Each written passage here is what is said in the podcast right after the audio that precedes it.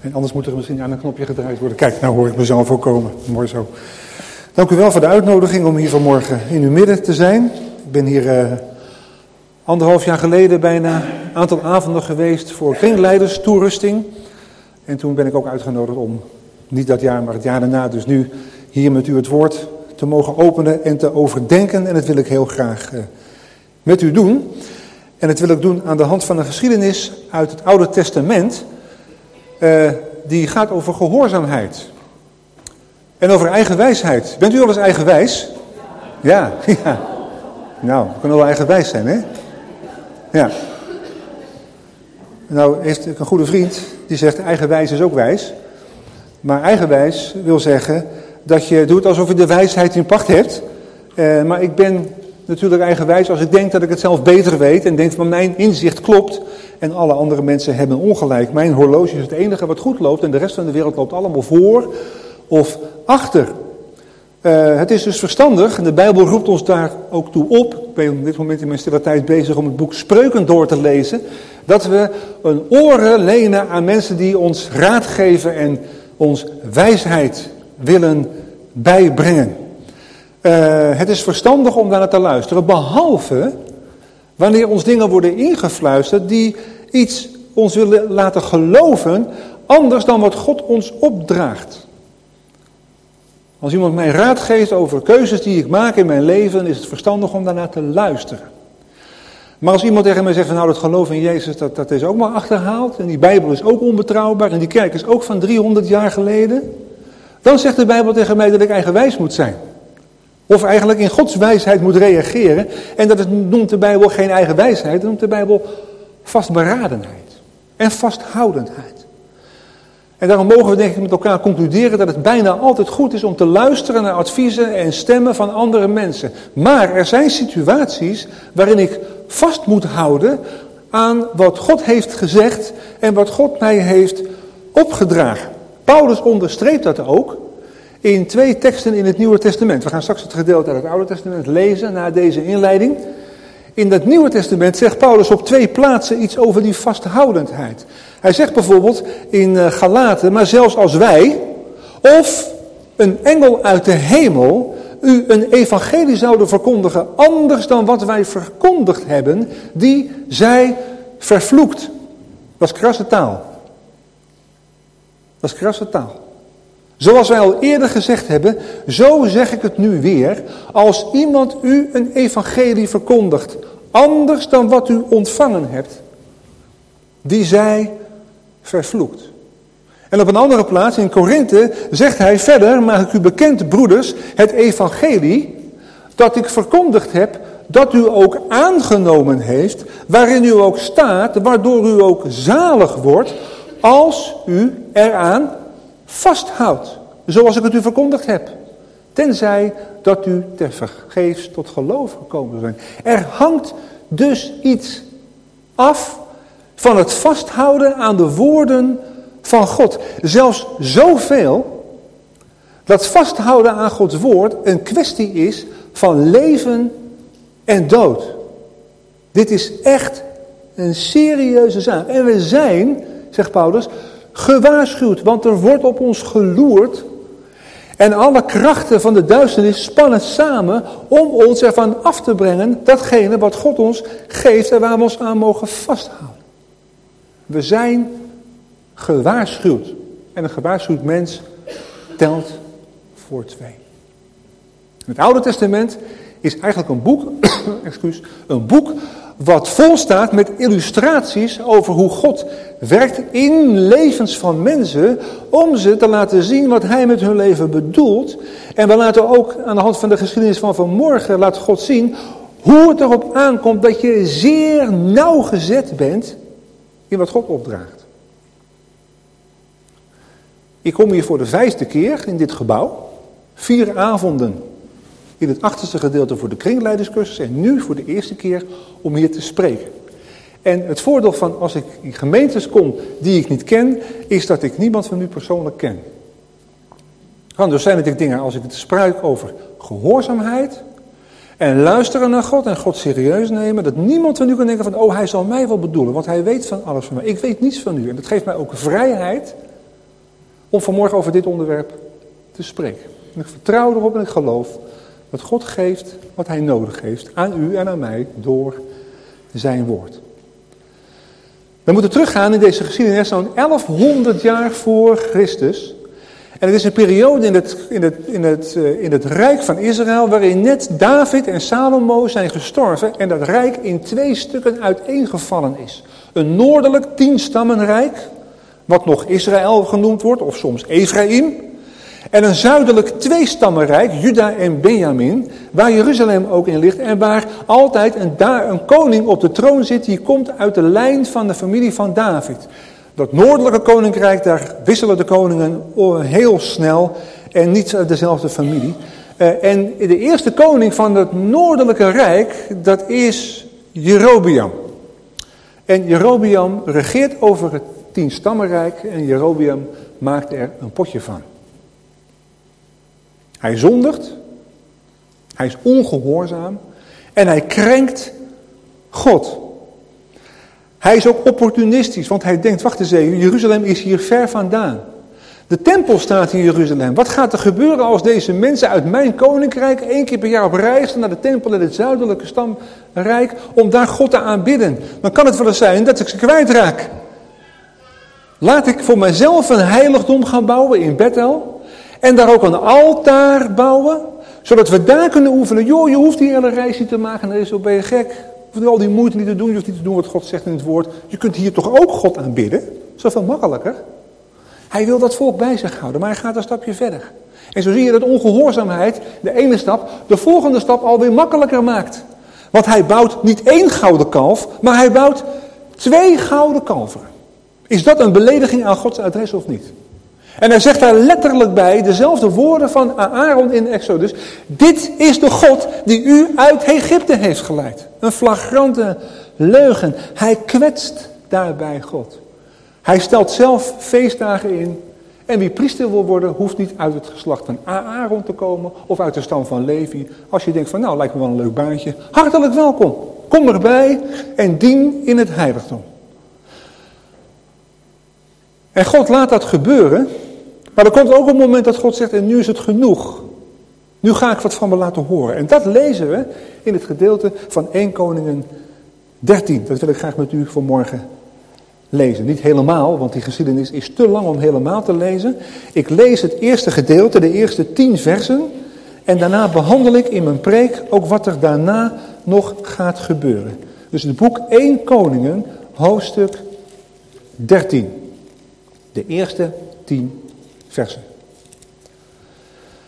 En zie, staat er in hoofdstuk 13 vers 1, er kwam een man van God door het woord van de Heere uit Juda naar Bethel. Terwijl Jerobiam bij het altaar stond om een reukoffer te brengen.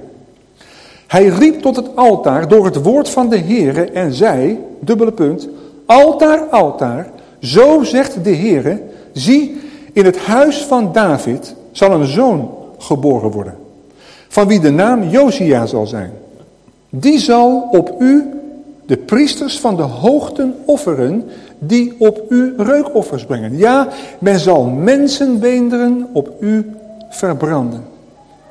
En op die dag gaf hij een teken. Dit is het teken waarvan de Heere heeft gesproken. Zie, het altaar zal scheuren en de as die erop ligt zal er afstorten.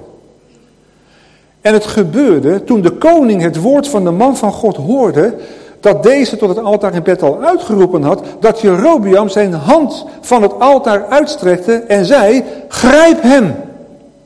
Maar zijn hand die hij tegen hem had uitgestrekt, verstijfde, zodat hij hem niet meer naar zich toe kon trekken. En het altaar scheurde en de as stortte van het altaar af, overeenkomstig het teken dat de man van God door het woord van de Heere had gegeven. En toen antwoordde de koning en zei tegen de man van God, tracht toch het aangezicht van de Heere uw God gunstig te stemmen en bid voor mij dat ik mijn hand weer terugtrekken kan, dat mijn hand weer teruggetrokken getrokken kan worden. Toen trachtte de man Gods het aangezicht van de Heere gunstig te stemmen. En de hand van de koning kon weer teruggetrokken worden en werd als daarvoor. En de koning sprak tot de man van God, kom met mij mee naar huis en kom op krachten, dan zal ik u een geschenk geven. Maar de man van God zei tegen de koning, al gaf u mij de helft van uw huis, ik zou niet met u meegaan en ik zou in deze plaats geen brood eten of water drinken. Want zo heeft de Heere door zijn woord geboden, mij door zijn woord geboden, u mag geen brood eten of water drinken en u mag niet terugkeren via de weg waar langs u gegaan bent. En zo ging hij langs een andere weg en keerde niet terug via de weg waar langs hij naar Bethel gekomen was. Tot zover de lezing. En we zien hier eigenlijk dat Jerobeam op heterdaad wordt betrapt. Hij staat bij dat altaar en is daar aan het offeren. En dan komt daar een man die door God wordt gestuurd. Deze man, dat gaat letterlijk, het is een man van God en hij spreekt het woord van de Heer. Of je dat leuk vindt of niet, dat doet er niet toe. God heeft hem die last op het hart gelegd en zegt, ga naar Jerobeam en zeg hem dit oordeel aan. Hij voorspelt het einde van dat altaar, het einde van die valse godsdienst en zegt dat altaar zal als bewijs dat ik gelijk heb, zal scheuren, zal kapot gaan en de as zal op de grond storten. En op dit altaar zal later, zullen de beenderen worden verbrand, grote schande voor een Jood, dat beenderen van gestorven afgodendienaars zullen door koning Josia worden opgegraven uit heilige grond en worden verbrand op dat altaar als teken van oordeel van God. En dan hoort Jerobeam die woorden en dan zegt hij, grijp hem. Dat is de beste manier, dat is de beste manier om een boodschap van God uit zwijgen op te leggen. De boodschapper ombrengen. Je kop in het zand steken, je oren dichtstoppen en zeggen, grijp hem, leg hem het zwijgen op, want ik wil het niet horen. Hij handelt vanuit een slecht geweten. Deze man is in zijn hart God ongehoorzaam. En wat voor woord hij van de Heer ook zal krijgen, hij zal daar nooit naar luisteren, omdat zijn innerlijke gesteldheid ongehoorzaam is en rebels tegen God. Maar met de hand waarmee hij wijst, ter, ter plekke staat dat die hand verstijft. Letterlijk staat dat die hand verdort. Josia, sorry, Jerobiam is niet meer in staat om die hand terug te halen. En dan draait hij de opportunist om als een blad aan een boom. Waar hij eerst nog de boodschappen van God heeft willen laten vermoorden, doet hij nu heel kruiper en zegt van bid alsjeblieft tot de Heere uw God. Hij zegt niet tot de Heere mijn God, maar bid alstublieft tot de Heere uw God dat mijn hand weer goed zal komen. Met andere woorden, ik heb hier ongemak van. Het woord bereikt niet zijn hart. Maar gestoord en in ongemak gebracht door dit teken van God vraagt hij of God hem alstublieft wil helpen. En de profeet van wie we de naam niet eens weten, bidt tot God, tracht het aangezicht van de Heere gunstig te stemmen en de hand wordt weer gezond en Jerobiam kan hem weer gebruiken. Is dat een wonder of niet? Jazeker. Is het scheuren van het altaar een wonder of niet? Zeker. Maar wonderen bewerken geen geloof. De Jezus Christus werd in de drie jaar dat hij op aarde het werk van God deed, omringd door duizenden mensen die met eigen ogen hebben gezien wat voor krachtige dingen hij deed. En ze riepen allemaal kruisig hem. Wonderen bewerken geen geloof wanneer je hart niet deugt. En na die doodsbedreiging van grijp hem, draait Jerobiam nu om en zegt van joh, kom mee. Ga mee met mij naar huis. Kom op krachten en ik zal je ook nog een geschenk geven. Ja, wij zouden zeggen, if you can't beat them, You must join them. Wat je niet kan verslaan, dan moet je dan maar vrienden mee worden. Wat is het motief van deze koning? Waarom draait hij om als een blad aan een boom? Omdat het hem beter uitkomt. Maar echt verandering vindt er niet plaats. Hoeveel waarschuwingen heeft God nodig om het hart van een mens te veranderen? Bij sommigen maar één. En bij sommigen moet God andere, krassere middelen gebruiken om ons hart te bereiken. Dat staat hem vrij om te doen hoe en wanneer en waarmee hij dat wil doen. Deze man Deze profeet zegt, ik ga niet met u mee. Al gaf u me de helft van wat u had. Ik zal niet met u meegaan. Waarom? Daar onthult hij iets van de boodschap die hij van God gekregen heeft. God heeft mij ook weggestuurd, tegen mij gezegd, let erop. Er wordt hier niks gegeten. Er wordt hier niets gedronken. En je moet zelfs langs een andere weg teruggaan dan waar langs je gekomen bent. Met andere woorden, deze man stelt zich op drie terreinen radicaal op tegenover de zonde. Dit is een trouwe profeet. Iemand die zijn opdracht serieus neemt. Hij zegt, ik zal geen geschenken van u aannemen, al gaf u me de helft van wat u had. Hij is met andere woorden, ik ben niet te koop. Nou, dat was voor de profeten in die tijd al heel bijzonder.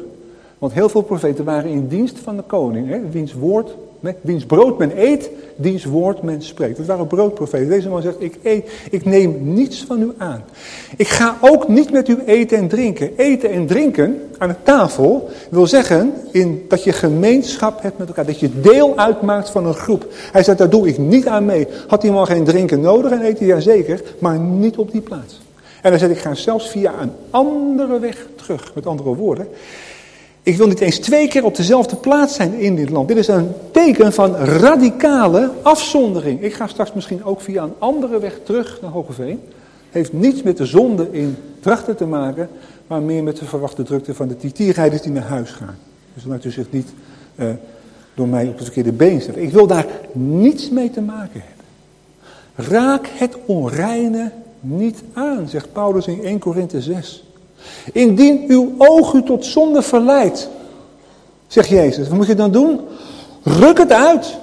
Mensen, als ik dat letterlijk had gedaan, had hier een blinde man voor u gestaan, want mijn ogen hebben mij vele malen tot zonde verleid. Maar Jezus geeft daar aan dat de houding van het hart radicaal moet zijn. Dat je daar geen compromissen in moet sluiten. Hij zegt tegen Jerobeam, ik wil niets met jou, niets met dit rijk, zelfs niets met dit land te maken hebben. Ik ga linea recta terug naar Juda, waar ik vandaan kom. Korte metten met de zonde. Doe jij dat ook? Doe ik dat ook? nog niet genoeg. Dat God ons de genade zal geven. Om ons de ernst van die eerste stap te laten voelen. Want de eerste stap is makkelijk. Maar de tweede stap is nog makkelijker. En nog makkelijker. En voor je het weet, zijn je handen gebonden door de touwen van de boze.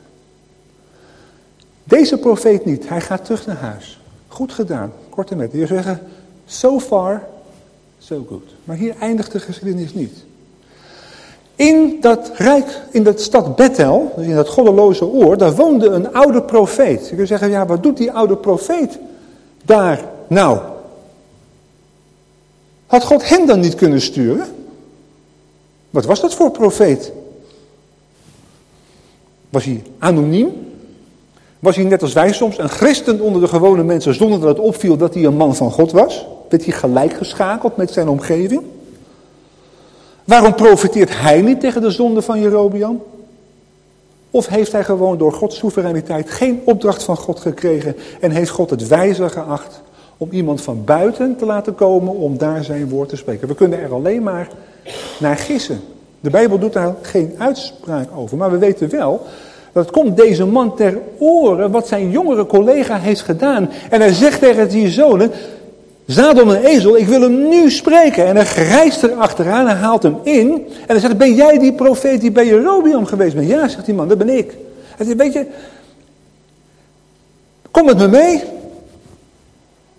Versterk je, eten en drinken, ik zal je onderdak geven. Maar hij zegt, doe ik niet. En hij herhaalt letterlijk de woorden die God gesproken heeft. Dat is goed. Herhaalt u wel eens letterlijk wat God gezegd heeft? Kent u een bijbeltekst uit uw hoofd wanneer u wordt aangevallen in uw denken? Als u zich zorgen maakt? Kunt u dan uit uw hoofd zeggen, roep mij aan in tijden van benauwdheid. Ik zal u eruit redden en u zult mij eren. Of kunt u zeggen, wees in geen ding bezorgd. Maar laten wij alles, uw wensen, door gebed en dankzegging met smeking bekend worden bij God. Kunt u dat uit uw hoofd opzeggen? Dan herhaalt u letterlijk wat God gezegd heeft. Dan neemt u God serieus op zijn woord. Dat zijn geen toverformules. Dat is het proclameren van de kracht van het woord van God. Deze man herhaalt letterlijk wat God tegen hem gezegd heeft. En dan zegt die profeet, ja maar ik ben ook een profeet. En God heeft mij laten zien dat jij met mij mee moet om naar mijn huis te gaan, om daar te eten, te drinken en daar op krachten te komen. Maar de Bijbel zegt erbij, maar hij loog. Die jonge profeet had Gods opdracht uit de eerste hand. En nu luistert hij naar iemand die het uit de tweede hand heeft. Hij luistert naar van horen zeggen. En hier gaat het mis. Zoals veel misgaat wanneer mensen hun eigen mening of hun eigen opvatting bezegelen, afsluiten met de woorden, zo spreekt de Heer. Ja, wat moet ik dan nog zeggen? Kan ik daar nou tegen inbrengen? Als iemand zegt, ja, zo spreekt de Heer. Ja, als ik dan zeg, ja, maar mag ik, oh, oh, je spreekt God tegen. Maar het is niet bijbels. Een profeet wordt altijd getoetst. Als ik naar mijn toen nog uh, verloofde, of degene, mijn vrouw, wat nu mijn vrouw is, uh, uh, hoe lang kennen we elkaar? Nou, lang genoeg. Meer dan 40 jaar geleden naar haar toe gegaan was. Ja, God heeft mij geopenbaard dat jij met mij moet trouwen. Zo spreekt de Heer.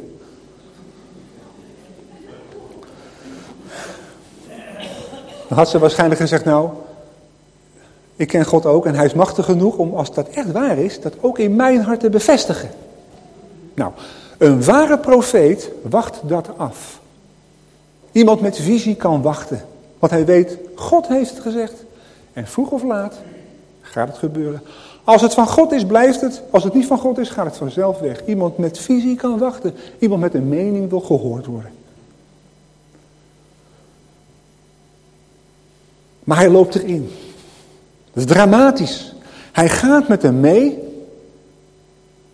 Wat is het motief van die oude profeet om te liegen en deze man mee te nemen? Kunnen we ook maar naar raden. Ik geef drie mogelijke redenen. Misschien is hij wel jaloers op zijn jonge collega. Want zijn bediening heeft veel meer effect dan wat hij in zijn leven lang gedaan heeft herkennelijk.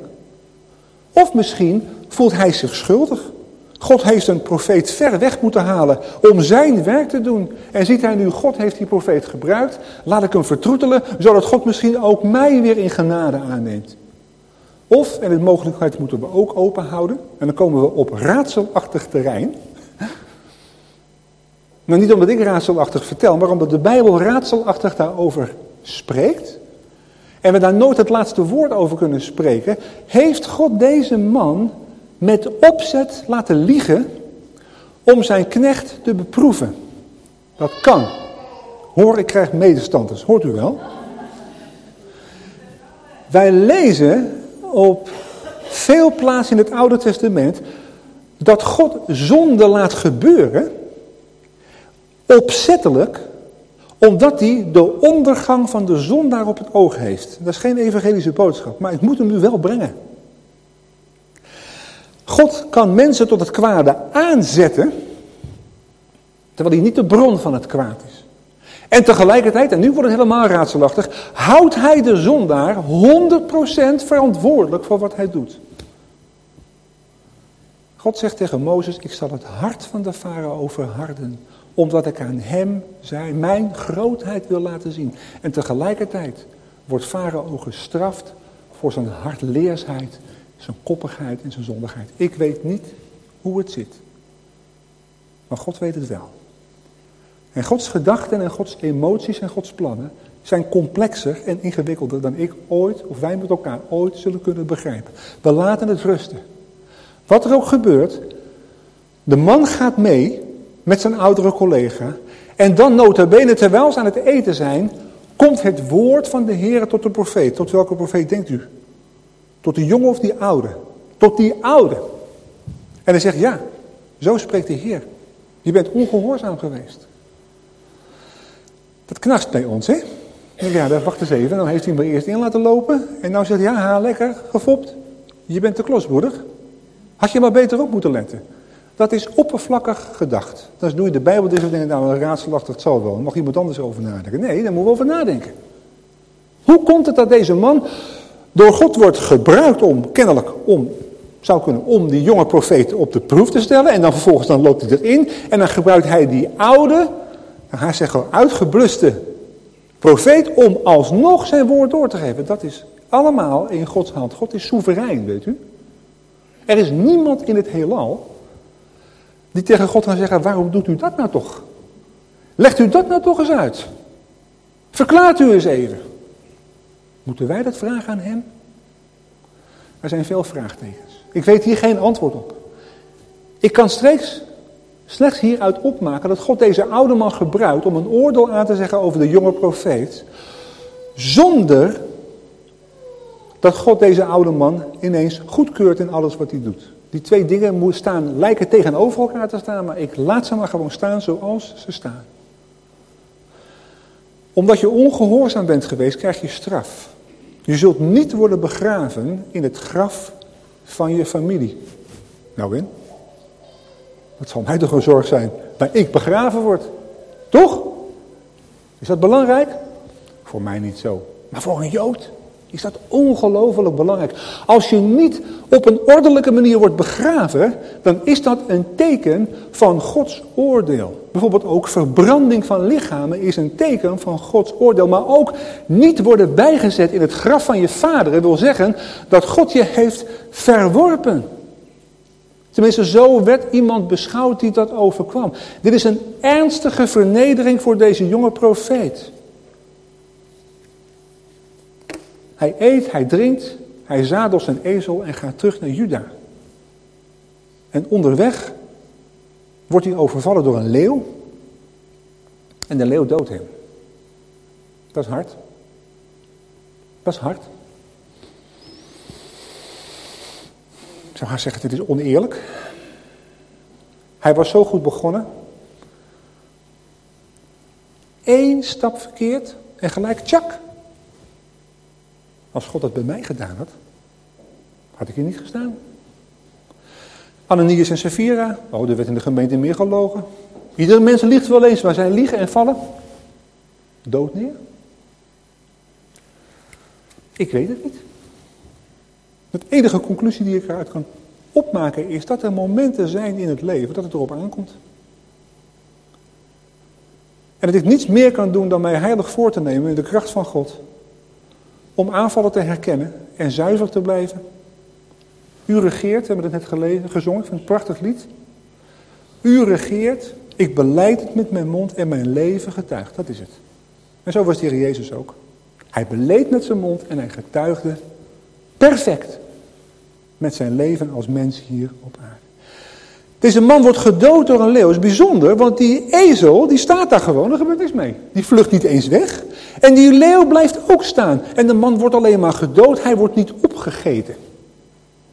Hij wordt wel gestraft, maar hij wordt niet vernietigd. Dit is een bovennatuurlijk verschijnsel wat hier gebeurt.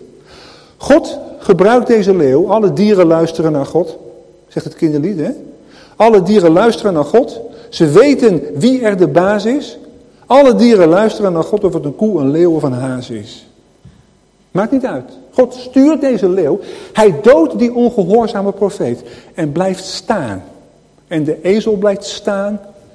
En mensen komen voorbij, zien dat gebeuren en gaan terug naar de oude profeet waar de man vandaan komt. En die gaat daar naartoe, neemt dat lichaam mee. En neemt het mee naar zijn eigen huis en legt het over zijn ezel heen, neemt dat lichaam mee om dat lichaam te begraven. Dat was eer. Het werd niet begraven op de plek waar het hoorde, maar het werd begraven in elk geval.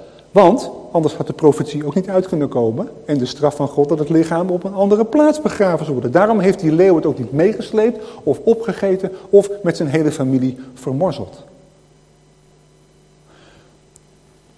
En dan komt die profeet thuis en dan zegt hij tegen zijn zonen, hij gaat ze begraven die jonge profeet, ik leg hem in mijn graf en als ik overlijd, wil ik naast hem begraven worden.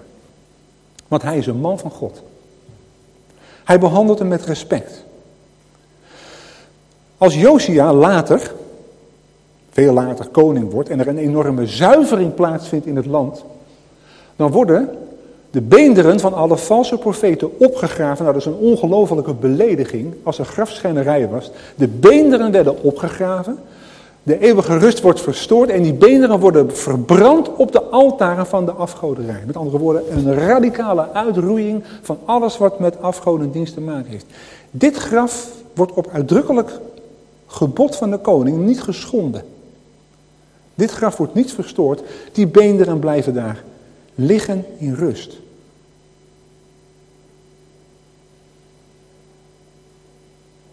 Want, zegt de man, hij was een man van God.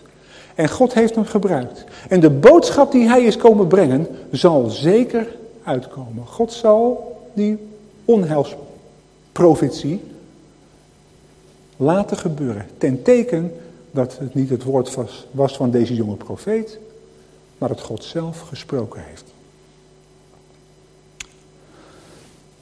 Waarom is God zo streng? Ik heb deze geschiedenis jaren geleden, ik weet niet meer precies hoe lang, maar heel lang geleden, ook een keer in een preek behandeld. En toen kwam er echt iemand naar me toe en zei van, die zei van, ik vind God echt oneerlijk. Dit vind ik niet eerlijk. En dat kan ik me voorstellen. Maar we moeten niet alleen maar afgaan op wat er in de klank staat. En onze conclusies trekken de Bijbel dicht en denken van, nou ja, dit gaat op de grote berg van onbegrepen, laat maar. De Bijbel is duidelijk over het getuigenis van zichzelf. En Paulus herhaalt dat alles wat in het, in het woord beschreven staat, is voor onze opbouw en voor onze waarschuwing geschreven. Zodat we ervan zullen leren. En de Bijbel die Paulus in zijn handen had toen hij dat zei, was alleen maar het Oude Testament. Want het Nieuwe Testament was er nog niet. Met andere woorden, die doen we niet dicht en denken van nou het zal wel. Wij zijn nieuwtestamentische christenen, hier hebben we niks mee te maken, want Jezus is gekomen en alles gaat goed. Dat is te kort door de bocht. Er is wel een verschil met toen en nu. Maar het is te kort door de bocht om nu te denken van, hier hebben wij geen boodschap aan. Waarom is God zo streng? Deze profeet verdient niet te sterven. Jerobiam verdient het om te sterven. Hij heeft veel meer op zijn kerfstok. Die zonde van Jerobiam is zeer ernstig realiseren we ons wat er gebeurt. Hij krenkt God, hij beledigt God. En hij speelt mij niet op de mouw dat hij dat per ongeluk deed of niet weet wat hij deed. Hij kende de geschiedenis ook. En hij wist van het gouden kalf. En hij zet notabene twee gouden kalveren neer. Alsof hij naar God zegt, dan had je wat. Wou je me wat maken? Hij verheft zijn hart tegen de hemel. En Eeuwen daarna wordt de zonde van Jerobeam opnieuw door God herhaald, want hij heeft het volk ertoe verleid om met hem mee te gaan in die afgoderij. Er ligt dus een zware last op zijn schouder. En zelfs door deze bijzondere gebeurtenissen door de profeet uit Juda, een gescheurd altaar, een verstijfde hand, een wonderlijke verloop waar hij ongetwijfeld van gehoord moet hebben. Deze dingen veranderen zijn hart niet. Er komt een moment dat God dat afrekent. Het is niet een kwestie dat er een vraag of er wordt afgerekend. De enige vraag die is, wanneer wordt er afgerekend? Maar er wordt afgerekend. Het oordeel van God is verwoestend. Het komt erop aan. Wat zou er nou gebeuren? Denkt u eens met me mee. Wat zou er nou zou gebeuren als deze jonge man meegegaan was met die oude profeet, ongehoorzaam was geweest, maar God had dat ongestraft gelaten. Wat had Jerobiam dan gedacht? Oh, zie je wel. Hij zegt het wel, maar het loopt allemaal wel met een sisser af. Het komt wel goed. Ik hoef die boze woorden van die man niet zo serieus te nemen. Kijk, hij is zelf ook ongehoorzaam en hij loopt vrolijk verder. Waarom kan ik dan niet ongehoorzaam zijn en rustig doorgaan met mijn leven? Het zou Jerobiam ertoe kunnen verleiden om het met de ernst van Gods opdracht niet zo nauw te nemen. En het zou een excuus voor hem zijn om zonder straf gewoon door te gaan. En de heiligheid en de eer van God zou te grabbel gegooid zijn. Dit is een ernstig woord. Een woord dat tot nadenken stemt. Wat betekent dit nou voor ons, 2014, in het leven zoals we dat nu leiden? Hebben we hier een boodschap aan? Dan kun je niet zeggen, nee, hier heb ik geen boodschap aan. Want het komt uit het geïnspireerde woord van God. We zullen nooit, waarschijnlijk nooit, in de situatie terechtkomen waarin deze jonge man heeft geleefd. Dus we kunnen zijn gedrag niet kopiëren. Of bang zijn dat met ons hetzelfde gebeurt. Maar we kunnen wel de principes, de onderliggende gedachten die erin spelen, wel naar onszelf toehalen en op onszelf toepassen. Er zijn situaties waarin je niet moet luisteren naar wat je wordt ingefluisterd. Er zijn situaties dat je, om het even plat te zeggen, lid moet blijven van het Simplistisch Verbond. Je oordoppen in moet steken en je oogkleppen op moet zetten om je te focussen op wat God van je vraagt. En laat je niet van de weg afrijden, laat je niet van de wijs brengen. Om misverstanden te voorkomen. Ik wil zeg niet dat u moet vasthouden aan uw mening. Want meningen kunnen veranderen.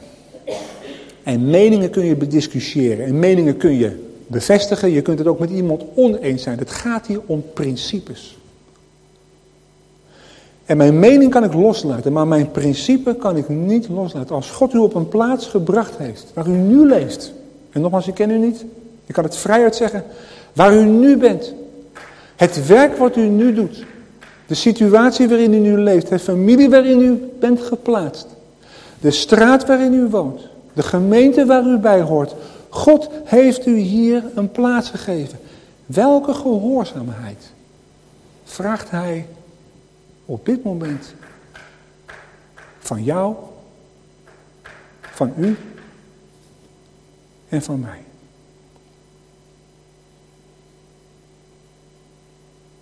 Welke kamer moet hij binnengaan om daar het licht van de geest te laten aangaan om te schijnen op de dingen die er zijn in ons leven, waar Hij ons verder in wil helpen.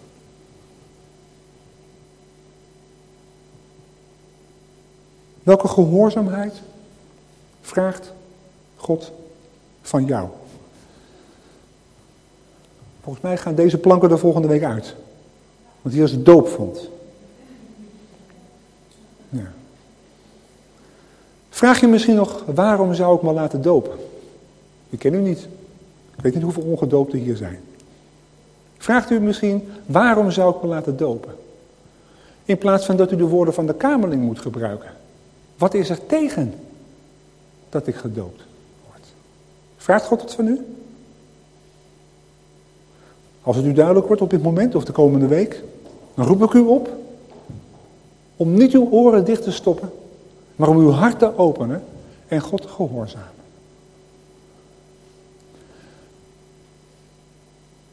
Ik had ook door die leeuw opgegeten worden, eh, gedood geworden. Want ik was hoogstwaarschijnlijk ook in diezelfde val gelopen. Ik had me ook laten intimideren. En zo heb ik me vele malen laten intimideren. Er is vele malen wat misgegaan in mijn leven. Wat als we dat nou wel hebben laten gebeuren?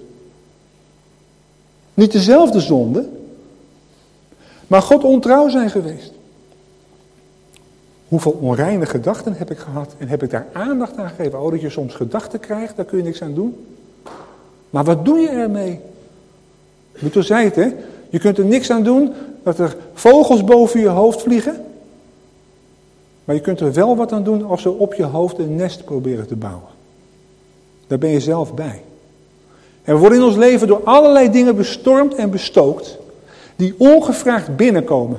Ik wil het niet, maar er is geen ontkomen aan. Anders zouden we uit de wereld moeten gaan. Maar wat doe ik met die gedachten? Gedachten van ontrouw. Gedachten van onreinheid. Over een paar weken hoop ik ergens anders te spreken over dat Jezus zegt dat je oog zuiver moet zijn. Dus niet dubbel, dubbelzinnig of dubbelzinnig, maar zuiver. Zonder bijbedoelingen. Dat is ongelooflijk moeilijk.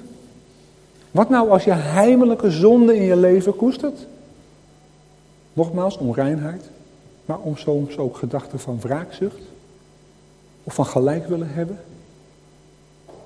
Vult u maar in. Wat nou als je gewend bent en je het helemaal niet meer erg vindt om nog van twee walletjes te eten? Dat vanavond het pak weer in de kast gaat. En morgen het gewoon de kloffie weer aan. En ik me weer begeven onder de collega's en net doen alsof er niks aan de hand is. Dat het laadje van de zondag dicht gaat. En door de week gaat het nog één keer open voor de huisging. Dan gaat het ook weer dicht en voor de rest nieuwe bladzij, ander leven. Een dubbel leven. Of ver van God verwijderd geraakt. Meegesleept in je omgeving. Dan is er genade bij God. Dan kom je een leeuw tegen. Maar niet meer een leeuw die je doodt, maar een andere leeuw. Met een hoofdletter. De leeuw van Juda, die brult en gromt en brult tegen de zonde. Maar die ook een lam is. Voor jou, voor ons geslacht. Er is vergeving. Er is een moment van berouw, van beleidenis en van bekering.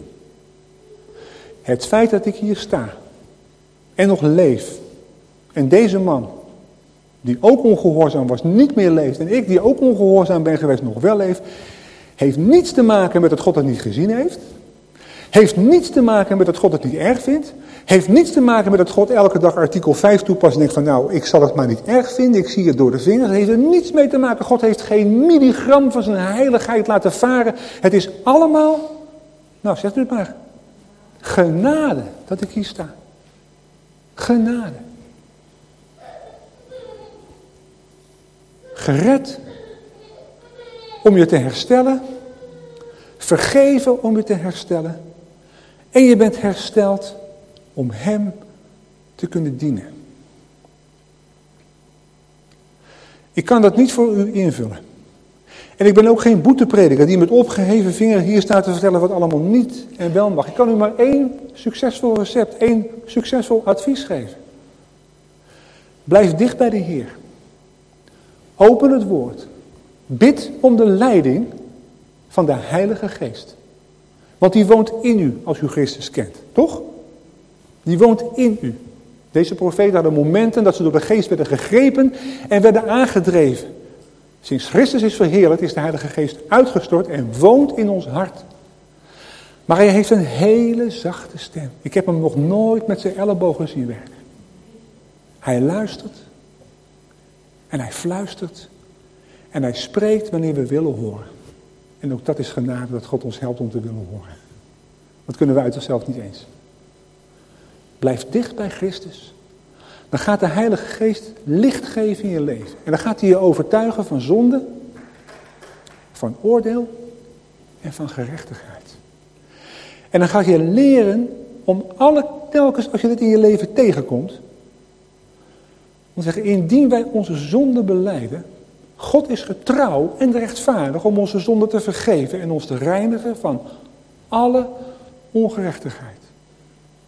Het bloed van Christus reinigt ons. En het staat er in de, in de voortdurende tijd. Het bloed van Christus blijft reinigen. Daar mogen wij aanspraak op maken. En blijf dicht bij hem. Dit wil ik graag met u delen.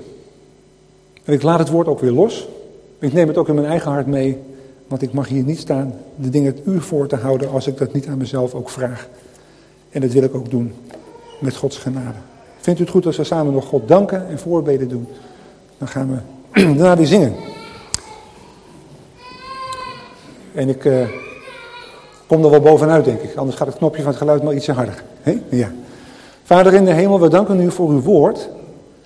En we danken u dat u een trouwe en een rechtvaardige God bent. Heer, dank u wel dat u zo volkomen bent toegewijd aan uw eigen grootheid en heiligheid. Dank u wel, Heer, dat u het nooit op een loopje neemt met wie u zelf bent. Want dat zou u niet kunnen. U kunt niet anders dan zijn wie u bent. En daar ligt onze redding en ons behoud in, Heer. Want u bent rechtvaardig.